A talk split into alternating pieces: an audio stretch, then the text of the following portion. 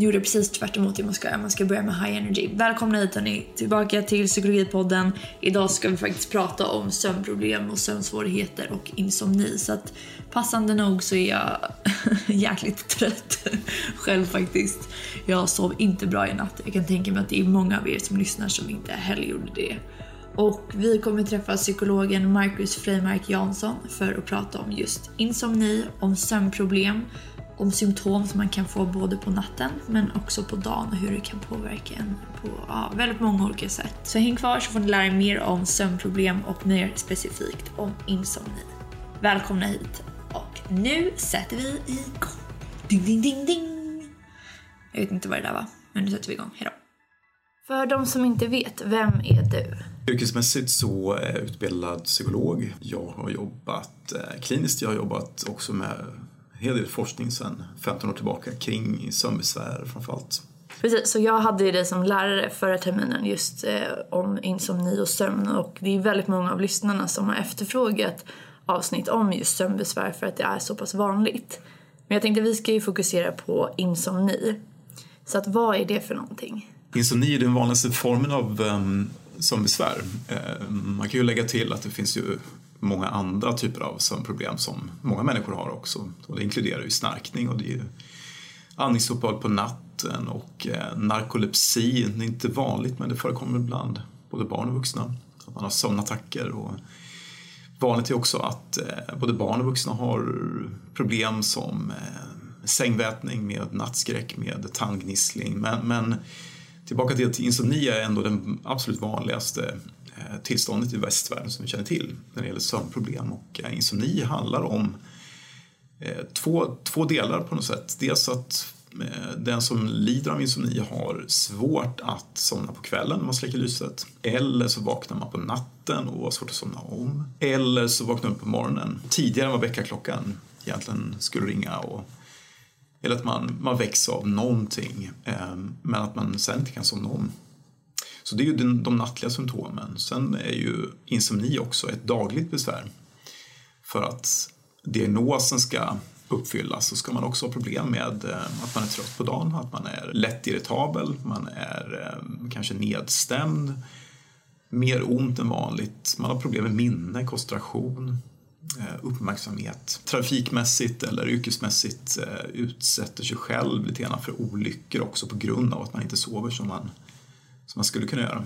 Så är det det här som gäller om man får diagnosen insomni? Mm. Kan man ha vissa av de här problemen utan att... Eh, jag menar att man kan ha de här problemen och det upp, skapar ett lidande och en funktionsnedsättning men inte till den grad att det kvalificerar för att man ska få en diagnos. Ja, just det.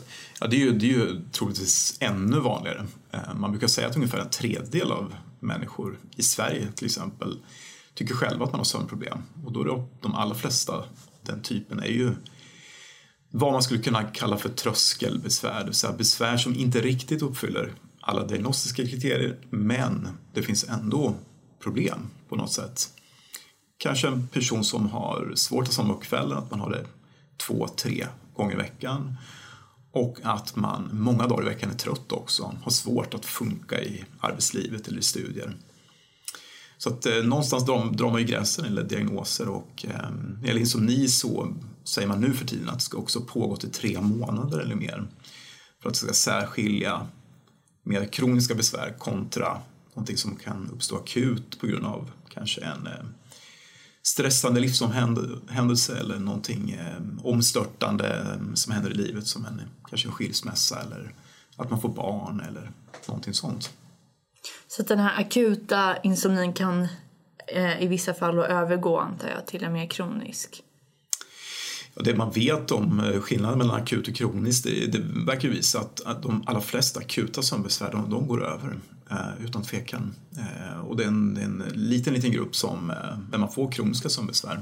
Så att eh, många gånger tänker jag att, att förklaringen där är ju att vi människor vi utsätts för händelser och stressorer i våra liv som gör att vi börjar grubbla på kvällarna. Vi eh, går upp i varv kroppsligt och därför får väldigt svårt att somna. Vi vaknar på natten och vi vaknar på morgonen med, med kanske lite lätt ångest eller med oro kring ett beslut eller ja, någonting som stressar mm. stressar oss. Mm. Och många sådana saker de går ju över. Inte alla, men många gör ju det. Även att leva i, i ett eh, äktenskap som man kanske brister eller att leva med barn som är funktionshandikappade eller att leva under svår annan stress, eh, att leva under en tentaperiod. Allting sånt där kommer ju rubba sömnen för de flesta av oss. Men över tid så klingar det av och då bör man också sova mer normalt igen. Säkert alla som lyssnar känner igen sig i flera av de här anledningarna. Men vad är, finns det för andra anledningar som gör att man utvecklar insomni eller sådana besvär? Jag, jag tänker verkligen att det kan uppstå med väldigt många olika eh, skäl. Många av dem ligger i vår närmiljö, de ligger i, våra arbets, ligger i arbetslivet. De kan bero på eh, en eh, otydliga roller i arbetslivet som stressar upp oss. Det kan bero på eh, otydliga gränser mellan privatliv och arbetsliv. Det kan bero också på ehm, vad vi gör på vår fritid. Jag menar, till exempel motion vet vi är bra för sömn. I alla fall upp till en viss gräns och inte för sent på kvällen. Men sen kan vi lägga till också massor med sjukdomar ökar risken för insomni också. Som att eh, drabbas av cancer, drabbas av långvarig värk, diabetes. Många sådana sjukdomar gör ju att vi vi organiskt sett påverkas ganska mycket. Vi kanske får svårt att somna och sova på grund av värk i kroppen och då, då hamnar många i en ganska negativ spiral. Att man, man sover sämre och så man får mer ont och så blir det sämre och sämre för många människor. Sen eh, kan man lägga till att många läkemedel drabbar också sömnen negativt. Även om avsikten ibland inte är såklart att försämra sömnen så blir det ofta fallet och för, för många, i alla fall kortvarigt. Sen det jag har sysslat med alla år det har ju handlat snarare om psykologiska faktorer, psykologiska processer som driver insomni framåt och, och där pratar man oftast om oro exempelvis, grubblerier, ältande. Alternativt att man ligger allt för lång tid i sängen och tror att man eh, med väldigt lång tid i sängen så ökar man chansen att somna och sova fint på natten. Oftast är det tvärtom. Så att, eh, det är den typen av eh, väldigt många, många faktorer överlag som, som kan spela roll för insomni. Mm.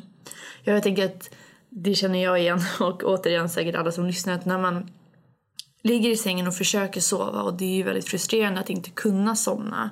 Och man ligger och vrider och vänder på sig, man kanske börjar oroa sig, räkna ner timmarna brukar jag göra när, ja men nu är det fem timmar och 47 minuter innan mm. jag måste gå upp igen liksom. Mm. Um, på vilket sätt kan man hantera den oron och grubbleriet som ju kan tänka mig inte är jättevärdefullt i stunden? Mm. Så det är ju, det är ju um, att ligga i sängen och släcka lyset är en väldigt speciell process tänker jag. Därför att för många av oss med ganska hektiska liv med ganska lite chans för eh, reflektion och eh, att bearbeta oro och att gå igenom dagen som har varit till exempel. Man kanske varit med om en man kanske blivit utskälld på sitt jobb eller man kanske har eh, bråkat med någon. Det kan vara mer milda saker också. Så att när, man, när vi släcker lyset på natten så blir det för många människor tror jag sådär första chansen man börjar bearbeta händelser. Så att jag menar, jobbar man kliniskt så, så kan man ibland vinna på att försöka flytta den här bearbetningstiden kanske till dagen istället. Att få en patient att sätta sig kanske klockan sju åtta på kvällen istället med papper och penna och gå igenom detalj allt det som har bekymrat en, oroat en. Allt som man grubblar på när man ligger i sängen så att man får en chans att flytta på det i alla fall delvis. Mm. Det där gör ju inte att man blir av med grubblerierna i sängen, absolut inte. Men man kan få i alla fall lite perspektiv på det, lite distans. Det kanske inte blir lika eh, uppvarvande när man ligger i sängen och tänker på, på allt det där. Så att man eh, kan flytta det till dagen, det, det, det, det hjälper många. Mm. Jag tror också att det är så att när man lägger sig ner i sovrummet eller sängen så blir det ju första kanske stilla stunden på mm. dagen. Det är tyst, det är mörkt, som du säger, det är inte så mycket intryck längre. Och då är det ju som att allt det här som man inte haft tid att tänka på kanske sköljer över en. Mm. Um, och att man då kanske fastnar i det här grubbleriet, att man då varvas upp istället för att varva ner. Mm. Men vad finns det för andra saker i liksom sovrumsmiljön mm. som kan störa sömnen? Ja, men det är ju verkligen både, både yttre saker och inre saker. Några inre saker har vi varit inne på med, med grubblerier och bekymmer men jag menar, några uppenbara källor till sömnbesvär är ju också att man, eh, man, har, man sover i en sovmiljö som inte är optimal för en. Eh, många av oss i Sverige till exempel, speciellt de här veckorna som varit, så har vi för varmt i sovrummet. Och då finns det någon temperatur som är magic? Ja, det finns väl lite sådär riktlinjer om att lite kallare än vi tror faktiskt är bättre för sömnen. 17-19 grader brukar man säga är allra bäst för de flesta av oss. Och tänker vi på, eh, på hur vi har det i våra egna hem så ligger vi ofta på 20 eller uppåt. Och det är klart att det, det är ju inte heller liksom, eh, orsaken med stort O till sömnbesvär men det kan bidra, det kan vara en av många pusselbitar som skälper över en att, att sova ännu sämre. En annan sak är ju ljusinsläpp, det är ljudinsläpp.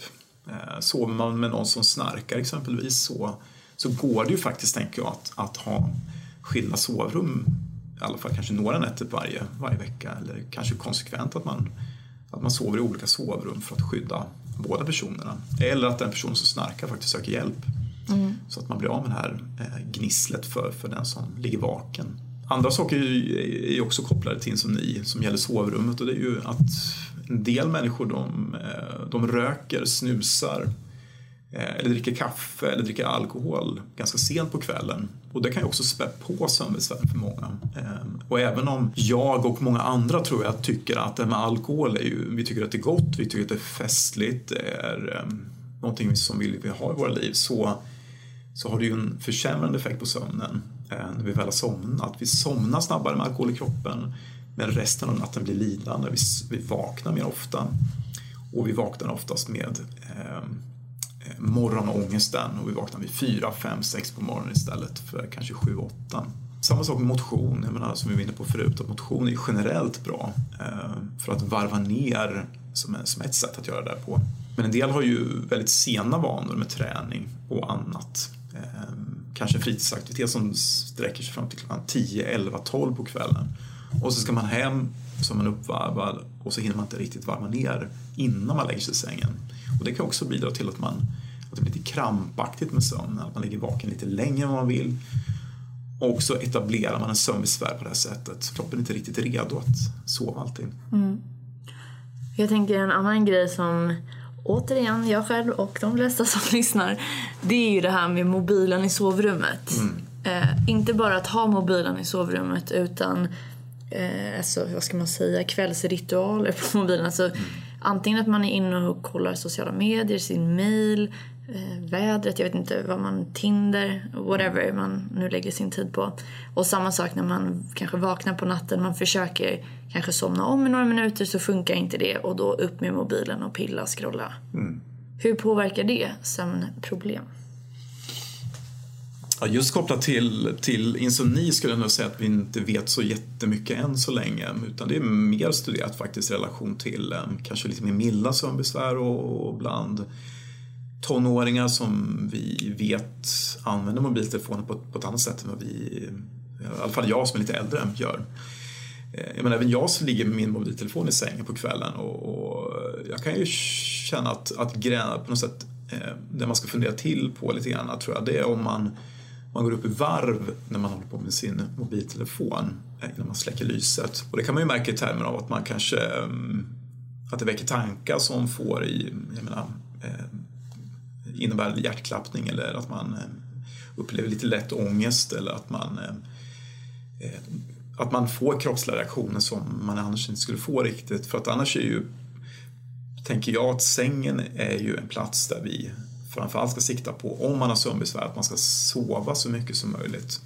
Och en del av de här sakerna kan man göra innan man lägger sig i sängen som att om man har kraftiga sömnbesvär kan man faktiskt läsa, man kan titta på sin telefon om man vill göra det sent på kvällen ehm, innan man lägger sig i sängen så att man skyddar den här sängen från, från saker som skulle kunna göra att man varvar upp, blir orolig, börjar tänka på morgondagen eller går igenom dagens händelser som kan ha varit både härliga men också kanske störande och, och jobbiga. Mm. Mm, jag tänker att alltså, även om det inte behöver innebära en medveten, ett medvetet ångestpåslag, alltså att du känner att du får hjärtklappning så är det ju ändå så att man på något sätt planterar frön av information mm. som, eh, som ju kan leda till antingen störd sömn eh, eller att, liksom att det påverkar drömmar. Alltså det finns ju massa mm. grejer som vi säkert inte vet så mycket om. Men som man kan tänka sig att det här kanske inte är liksom, det bästa jag kan göra av min tid just nu i sängen. Eh, men du pratar om att man ska på något sätt hålla jag vet inte om det är sängen eller sovrummet, att det ska vara, man ska försöka koppla det så mycket till sömn och att sova mm. som möjligt. Mm. Jag för mig från kursen också att det är sömn och sex som är okej i sängen och sovrummet. Ja, det, det, är så man har sagt sen, eh, sen 70-80-tal och jag skulle säga att det, det, är en bra tumregel. Det är, jag tror att ganska många av oss kan slarva med de råden också. En del klarar tror jag, alldeles utmärkt att ha en mobiltelefon i sängen och ligga en halvtimme innan man släcker lyset. Eller en del kan absolut sova bra även om man tittar på TVn i sängen. Så, så tänker jag. Men har man sömnbrist ska man åtminstone testa att ta bort de här sakerna. Att ta bort mobiltelefonen och eh, kanske testa den här typen av app som du kan koppla till din mobiltelefon som, som stryper tillgången till inflöde i telefonen vissa tider i alla fall. Du kan ställa in klockan 22, då vill jag inte störas efter. Och klockan 7, då är det första gången jag kan få ett inflöde i telefonen. Kanske chattfunktioner aktiveras och, och liknande. Mm. Och det har man börjat testa lite i studier också, att um, försöka minimera nattpåverkan av mobiltelefonen. Mm. Och det tänker jag är speciellt viktigt bland, bland ungdomar som kan etablera en ganska ganska ohjälpsamma vanor med mobiltelefoner och paddor och sådär. Att man alltid är tillgänglig, man, man reagerar alltid på ett sms som kommer in, något chatt som, som aktiveras. Ehm, och det tänker jag är en fara. Och det kanske är skillnad om man är ung nu jämfört med när jag var ung på, på 70-80-tal. Det är liksom länge sedan det fanns inte den här typen av teknologi då. Mm. Nej precis, så jag tänker att Ja men alltså som du säger, det är ju upp till var och en om man någonstans vet att men för mig funkar det här, då gör det ju säkert det. Men om man ändå någonstans känner att nej men det här skulle nog, det skulle nog vara bättre om jag klarade av att inte ha mobiltelefonen till exempel i sovrummet. Mm. Så kan man ju som du säger testa att göra annorlunda. Mm. Men det jag vet är ju att när man vaknar tidigt eller om du vaknar upp på natten och så kan du inte somna om. Då blir man ju uttråkad eller rastlös eller stressad eller mm. vad man nu blir. Och då så har jag för mig i alla fall att man inte ska stanna kvar i sängen efter... Om man inte kan somna om på 20 minuter, mm. då ska man gå och göra någonting annat. Mm. Kommer jag ihåg rätt? ja, absolut. Det är ju verkligen eh, full poäng från din sida. Ja, då kan det, du gå in och ändra mitt betyg. Nej, jag skojar. det, är, det är fortfarande så man tänker i behandling vid insomnia. Att eh, istället, vilket många patienter har gjort genom ibland tio år, man har kämpat med att ligga kvar i försöken, vänt och vridit på sig och tänkt att eh, ja, det, här är ett, det är ett bra beteende. Det, mm, till slut kommer jag faktiskt somna och det gör man ju med den strategin också. Men problemet är att då, då etablerar man ju sängen som en plats där man får chans att vara vaken ganska mycket. Och tänker man lite så som jag gör utifrån kognitiv beteendeterapi att man kan etablera nya signaler i sängen som gör att man kanske blir mer alert, mer vaken. Och, det gör på sikt också att sängen kanske blir en blandning av att man är vaken väldigt mycket och sover lite för lite. Och då blir det ganska en, en, en zon i våra liv som inte blir skyddad längre utan eh, som blir just den här mixen av att vi vaknar och frustrerade. Och, så att det rådet om att försöka gå upp som du är inne på efter 20 minuter, kanske 15 minuter. Eh, det handlar ju om att försöka bryta den här kopplingen, att skydda sängen till så mycket sömn som möjligt och att allt, jag tänker, jag tänker i princip allt som vi gör i sängen när vi vaknar kan vi också göra någon annanstans. Det som brukar bromsa många patienter att följa det rådet är ju att man tycker att det är obehagligt att gå upp. Dels så tänker man att det är ohjälpsamt för att om jag går upp herregud, då kanske det blir så att jag vaken hela natten. Exakt. Ehm, därför att man tänker att sängen är ju det ställe jag sover på och det är ju, tänker jag, det är ju, det är en bra tanke men att gå upp är ju också ett sätt att bryta som sagt det här.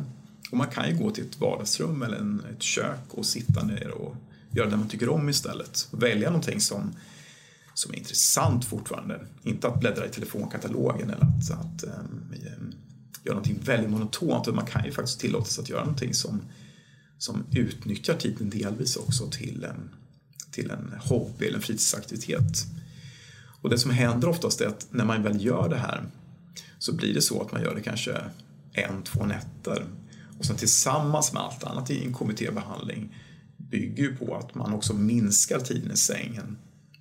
Och det gör att man, man är vaken väldigt lite tid i början och, och då etablerar man bättre och bättre rutiner. Så just det att man flänger upp och ner som många tror i början eh, blir nästan aldrig så. Mm. Precis, för att om vi fortsätter på det här spåret med KBT-behandling så nämnde du att man ska minimera tiden i sängen. Det kallas ju sömnrestriktion.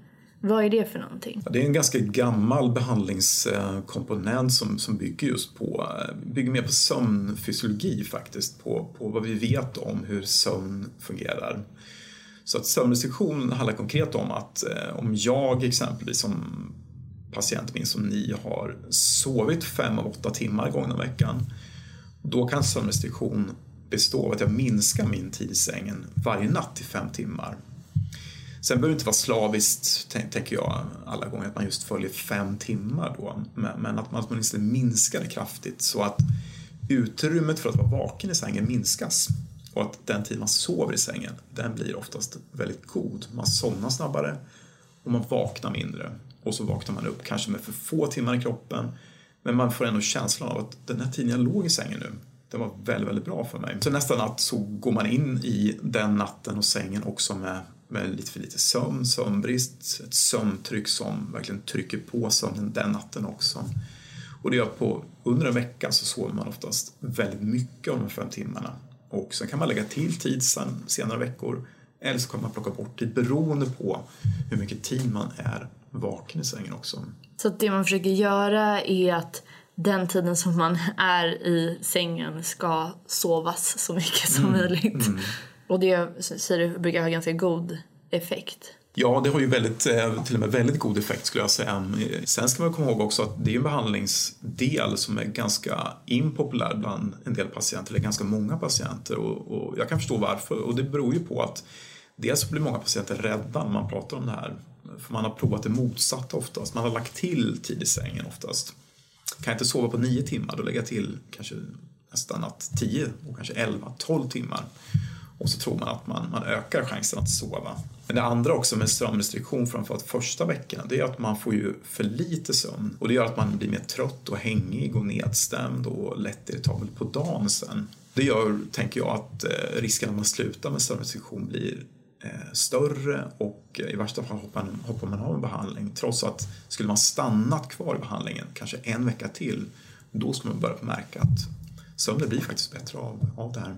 Så det är en kortsiktig kraftansträngning men mm. som det låter som att det blir värt det i längden om man kan fortsätta härda ut. Ja, det, det är lite, um, lite uthärdande för, ska inte säga för alla som genomgår KBT-behandling för insomni, men, men, för många är det det. Mm. Uh, så det gäller att, um, att vara förberedd som patient på att sömnrestriktion speciellt är ganska kämpigt och man får rätt mycket biverkningar i början. Och, men stannar man kvar i programmet två, kanske tre veckor, då brukar de här biverkningarna försvinna bort och man får också, som jag var inne på förut, om man lägger till tid i sängen. Så att även om man startar med fem timmar första veckan så kanske man är uppe på sex, sex och en halv timme vecka tre eller liknande. Och det gör att man börjar komma ifatt hur mycket man behöver också. Mm. Hur mycket sömn behöver man? Det beror ju väldigt mycket på, eh, det, ju, det finns ju en rätt stor åldersaspekt i sömnbehov. Eh, barn eh, hela vägen fram till egentligen 12, 13, 14, 15 års ålder någonstans där sover mindre och mindre. Och sen vid äldre tonåren, 16, 17, 18 och liknande, sover man lite mer. Och sen som vuxen så brukar man numera säga att någonstans mellan 7 och 9 timmar är eh, överlag det som rekommenderas sen finns det individuella skillnader. Det finns de som klarar sig på mindre och de som behöver mer. Men i snitt 7 till 9 timmar bland, bland vuxna ungefär. Mm. Och varför är det så viktigt att vi sover? Sömnen har ju eh, flera, sömnen har inte en funktion utan flera funktioner. Eh, och några av de här funktionerna är ju rent biologiska. Till exempel att när vi sover så varvar kroppen ner och det innebär att våra stora organ exempelvis får vila för första gången på, på dygnet. En annan är också att det sker ju ehm, cellgenerering, det vill säga att celler på, på minsta nivå verkligen får en chans att ehm, reparera sig och byggas om och rekonstruera sig. Och det är nödvändigt för vår överlevnad och vår hälsa att, att de gör det. Sen finns det också mer, kanske lite mer kognitiva, tankemässiga funktioner med sömnen och det är ju att, att vi vet numera att, att sömnen är viktig för vårt minne.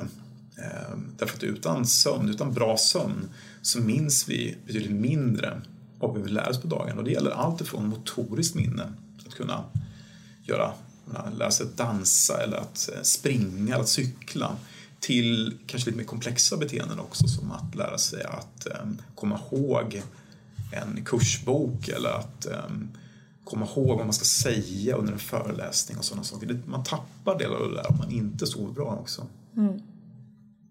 Jag tänker på alltså att när man var yngre eh, då var ju att behöva gå och lägga sig var ju typ ett straff. Mm. Eller man upplevde det som ett straff. Eh, och nu när jag är hela snart 27 år, nej gud nu när jag är 27, herregud, ja, då är det ju så här typ freedom att få gå och lägga sig. Det kan vara typ så den bästa stunden på dagen. Mm. Eller när jag vaknar och tänker bara okej okay, men efter den dagen kommer jag få komma tillbaka till sängen liksom.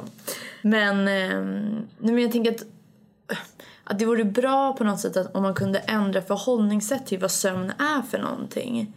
Alltså speciellt då kanske till eh, lyssnare som är yngre eller som är föräldrar till barn som ja, kanske inte vill gå och lägga sig. Alltså att sömn, ändra sömn från någonting tråkigt och ett straff till att så här, det här är jättecoolt, det här är det som händer när man sover, det här är varför det är så himla mm. viktigt. Det fick man ju inte höra när man var barn, alla de här grejerna som du berättade med mm. återhämtning och cellförnyelse och mm. Finns det någon sådana mm, men, tips du har till föräldrar kanske hur de kan så, lägga upp sömnen som någonting skoj för sina barn? Jag tror att det är ganska svårt att göra jag, jag, tänker att det är ganska svårt att göra det med äldre barn. Den chansen man har det är att göra det ganska tidigt, ganska mysigt för barn att, att ligga i sängen. Att man eh, redan när barnet är mycket, mycket litet, kommer hem från BB, att man eh, ser till att barnet får lugn och ro i sängen, att man har närvarande föräldrar, kanske båda föräldrarna. Eh, att man pratar och jollrar och, och sjunger för barnet. Och när barnet blir lite äldre också, att göra det mysigt genom att man sjunger tillsammans kanske, att man läser böcker och att sängen blir en, en härlig plats för barnet. För jag håller med dig om att som vuxen tycker jag också att det, det är en fantastisk yta av eh, lugn och ro att, att ligga i en säng. Och det är skönt att släcka lyset tycker jag många gånger. Men, men många barn hamnar ju, hamnar ju att det är så mycket som, som, eh, som lockar och pockar på, på uppmärksamhet. Man vill stanna uppe lite längre för att kunna kolla på TV, spela sitt dataspel. Och jag tänker att det enda man kan konkurrera med det är just att göra sängen till en eh, skön plats för vila och ro. Eh, och när barnet sen blir lite äldre så tror jag man kan dra, jag hoppas man att man, många barn kan dra paralleller för barnet också, att, så man kan få barnet att se att när du sover lite, då blir det så här kämpigt för dig. Och igår natt när du sov sex timmar så, så, så blev det så här idag. Vi har hamnat i konflikter du och jag. Och, eh, du sa att det var svårt att hålla dig vaken i skolan och du kom hem och såg helt hängig ut. Eh, kontra kanske en natt man har faktiskt lyckats att gå och lägga sig tid och sova, sova bra. Så att överlag så tänker jag att det är ganska svårt att göra det här men det vi kan göra det som föräldrar det är små, små saker som, som kanske skruvar upp chansen att det blir bra för barnet. Mm. Och nu när du sa, pratade om det här så fick jag en tanke, eller jag kommer ihåg när jag var barn och då kanske det funkar så att jag, när jag kom hem från skolan så somnade jag oftast. Alltså en dagtidsnap kan ju jag fortfarande tycka är bland det skönaste som finns. Men om man har sömnproblem så kan jag tänka mig att det inte är jättebra att sova på dagen. Nej, det beror väl lite grann på liksom, vilken, vilken typ av sömnsjukdom som man, som man lider av. Är du till exempel någon som snarkar väldigt mycket på dagen eller om du är äldre eh, så, så skulle jag säga att det är ganska bra med en tupplur faktiskt. Eh, framförallt om den sker eh, relativt tidigt på dagen, före tre, två, tre på dagen. Men om du har kraftiga sömnbesvär i med insomni så, så kan man säga att det är någonting som naggar på sömnen till kommande natt. Och eh, speciellt de här sena tupplurarna som många i arbetslivet har. Man, man, man jobbar fram till fem, man tar sig hem, man kanske äter middag och så tar man en kortare tupplur. Det kan stjäla ganska många timmar av nattliga sömnen. Och så kommer patienten tillbaka och säger att jag har svårt att somna, vaknar mycket på natten och vaknar för tidigt på morgonen. Och det är oftast på något sätt lite bakvänt tänkt därför att orsaken till det är många gånger att man, man har tagit den tuppluren, att man gör det varje, varje dag. Även om det är skönt, även om det är förfriskande för hur man mår och hur man orkar med så, så, så är det ofta ganska bra att försöka plocka bort alla tupplurar och åtminstone testa ett par veckor. Vad leder det till för mig? Och jag gör det. Mm, verkligen. Jag tänker att jag vet ju själv hur det är när man är sådär trött på dagen. Det är ju väldigt svårt att inte ge efter. Mm. Eh, Och det var en lärare till mig för flera år sedan som sa att ja, men när man blir trött till exempel efter man har ätit eller så. Uh, då är det ju ofta att man liksom indulgar i den känslan. Man liksom, jag lägger mig i soffan och vilar mm. lite, jag ska inte sova. Man tänker att man ska få semivila lite. Eh, men då blir man ju bara ännu tröttare och mm. då kommer man ju typ somna. Mm. Att istället försöka skapa någon typ av aktiviteter eller rörelse eller göra tvärt emot så att du väcker upp dig själv igen. Mm. Mm. Vad finns det för saker man kan göra för att liksom inte trilla dit när man ja, verkligen vill gå och lägga sig på dagen? Ja, men det, ja, men det du är inne på är ju väldigt, eh, det är ett gott spår tänker jag, att försöka aktivera sig. Ehm, sen så kan det låta, eh, problemet tror jag många gånger att det blir, kan bli lite för eh, klämkäckt när man säger en sån sak. Därför att det handlar ju inte om att du känner dig trött på dagen och känner att oj vad skönt det vore nu att lägga mig ner en liten stund. Att bestiga Mount Everest eller att springa maraton. Utan att göra någonting enklare. Framförallt viktigt tänker jag att det är att man, att man faktiskt står upp är man exempelvis väldigt, väldigt trött på, på jobbet och befinner sig i en kontorsmiljö, då kan man ju, många av oss kan ju höja ett skrivbord och stå upp ett tag. Det är ju bra, inte bara för att undvika tuppluren, att undvika att eh, nästan somna framför, framför, framför en dator. Eh, eller en kortare promenad om man är hemma på helgen eller ringa någon, eh, smsa, någonting sånt som gör att man förhindrar det här, att man lägger sig ner. För det som ni är inne på, många rationaliserar det genom att man säger att jag ska bara ligga ner en liten stund, nu är jag så trött och um, jag ska dra mig tillbaka lite grann mm. och så stänger man dörren och så släcker man ner och så, så ligger man med boken en stund. Uh, ja. Men många somnar ju då. Ja, det är klart. Uh, så det är lite, det är lite um, ja, som sagt, det är lite förrädiskt att göra så. Mm. Mm. Skönt men också med vissa effekter på sömnen. Ja gud ja, och sen vaknar man så har man väl ångest för man har sovit och vet att det kommer störa sömnen. Alltså det är väldigt mm. mycket negativa spiraler med sömnen. Eh, och en annan sån där negativ spiral tänker jag att eh, om man sover dåligt några nätter och sen så är man en person som kanske dricker mycket kaffe, eh, röker eller använder annan stimulantia. Alltså att ehm, ja, men du tröttare du är då tar du liksom ännu fler koppar kaffe.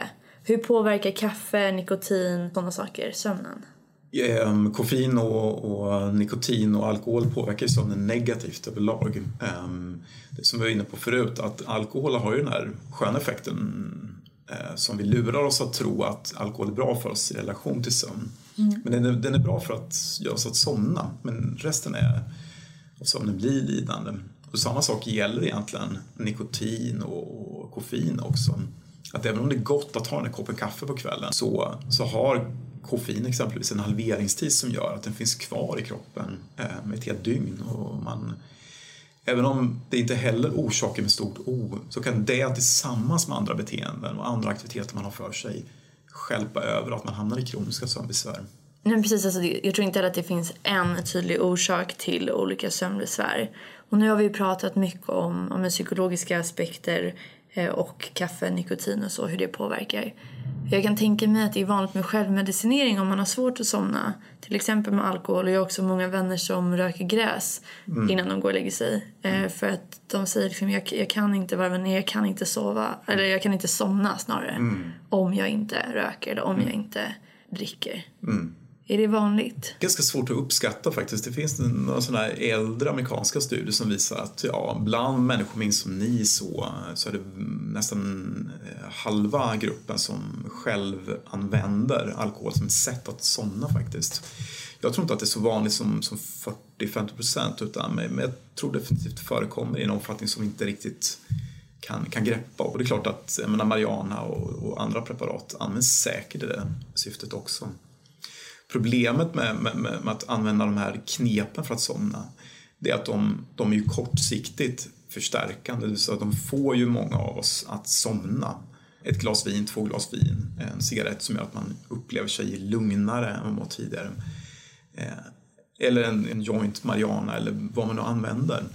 Men långsiktigt så påverkar du din, din sömn den natten och kommande nätter.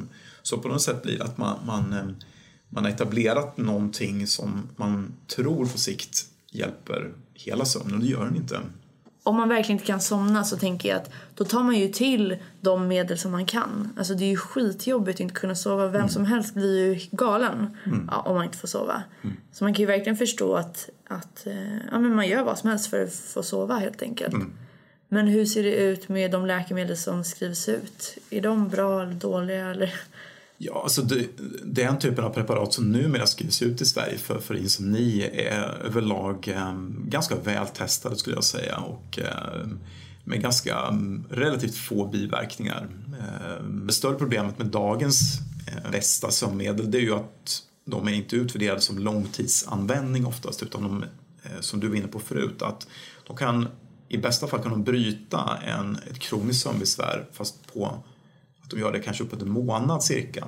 Så att jag tycker tumreglerna för vården om man är någon som själv använder sömnmedel är att man om man gått över en månad av användning då ska man nog tillsammans med sin läkare fundera på är det här gynnsamt för mig på sikt? Därför det finns också studier, även om de kanske är lite äldre, som visar att, att eh, när man sakta men säkert halverar och tar bort ett sömnmedel så förbättras också sömnen. Så att, Eh, det finns någonting eh, tidsmässigt här tänker jag att kortsiktigt uppåt en månad, absolut testa, gå till din primärvårdsläkare och, och fråga om möjligheten att få ta del av det.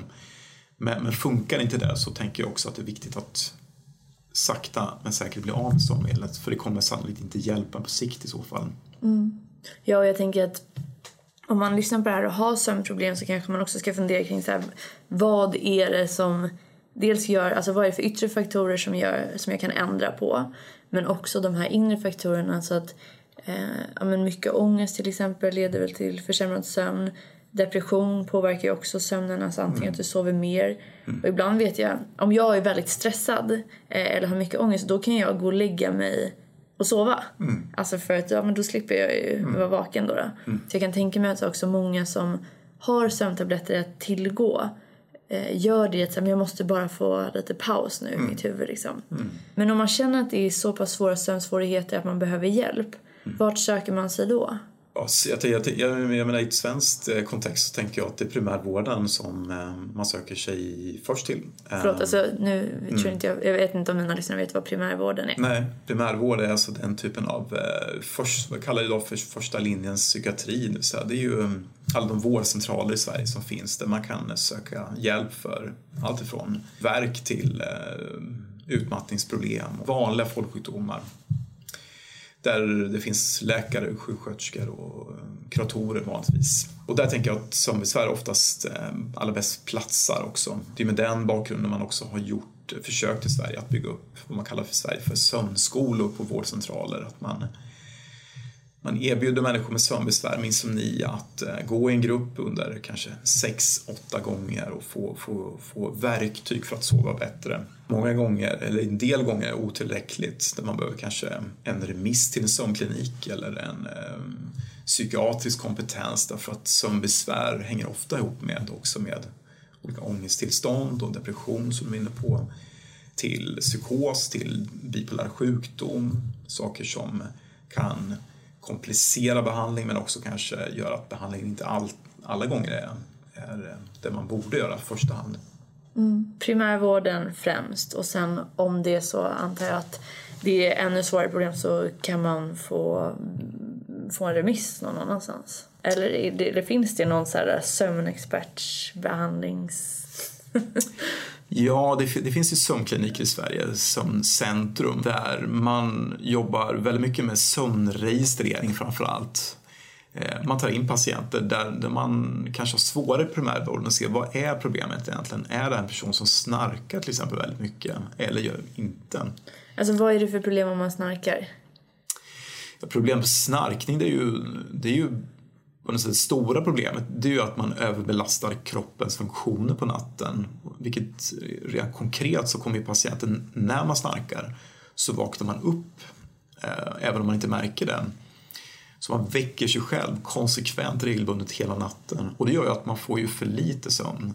Man får dålig sömn och du får också att kroppen inte hinner varva ner på, nat på natten. Man återhämtar sig inte på cellnivå eh, och och det gör också att många patienter med snarkning säger själva att jag är jättetrött på dagen, jag kan få ett automatiskt tupplur framför tvn på kvällen eller på jobbet och man, man sitter och nickar på, på möten på jobbet. Och, och det är ofta snarkning det som gör att man, man är väldigt, väldigt outsövd på morgonen. Mm, ja, sorry att jag avbröt. Jag bara har jag fått höra att jag snarkar. Jag har inte märkt det själv. Men eh, då tänkte jag, jag visste inte varför det var ett problem. Gud, nu kom jag av mig. Vi var någonstans. Ja, Sömnkliniker var vi. sömnklinik var på mm. Mm, stämmer. Var finns de? Eller vem får komma dit? Ja, ehm, det är ju, i Sverige har vi ganska få sömnkliniker. På, på gott och ont tänker jag. Det goda med det är att vi, vi tänker nog i Sverige att primärvården och företagshälsovården ska sköta så, så kallade vanliga sömnbesvär, ungefär insomni. Så tänker vi att mer svårare sömnbesvär eller där, där eh, snarkning förekommer eller där man misstänker att patienten har narkolepsi, de ska in på sömnklinik. Men problemet är att, att ganska många med insomni också skulle behöva komma till sömnklinik därför att de är väldigt osäkra på eh, eller snarare övertygade om att eh, grunden till sömnproblemen ligger i, i, i kroppen. Och det gör det ju alltid till viss del, men man förstärker ju insomni också effekten av sömnen som besvären via att man, eh, man grubblar, oroar sig, ligger för lång tid i sängen som, som kan locka möjligheten att få att sängen är skyddad och sömn, ja, plats för sömn. Mm. Tack så jättemycket för att du ville vara med. Vi hörs igen nästa vecka som vanligt varje tisdag. Ha det bra!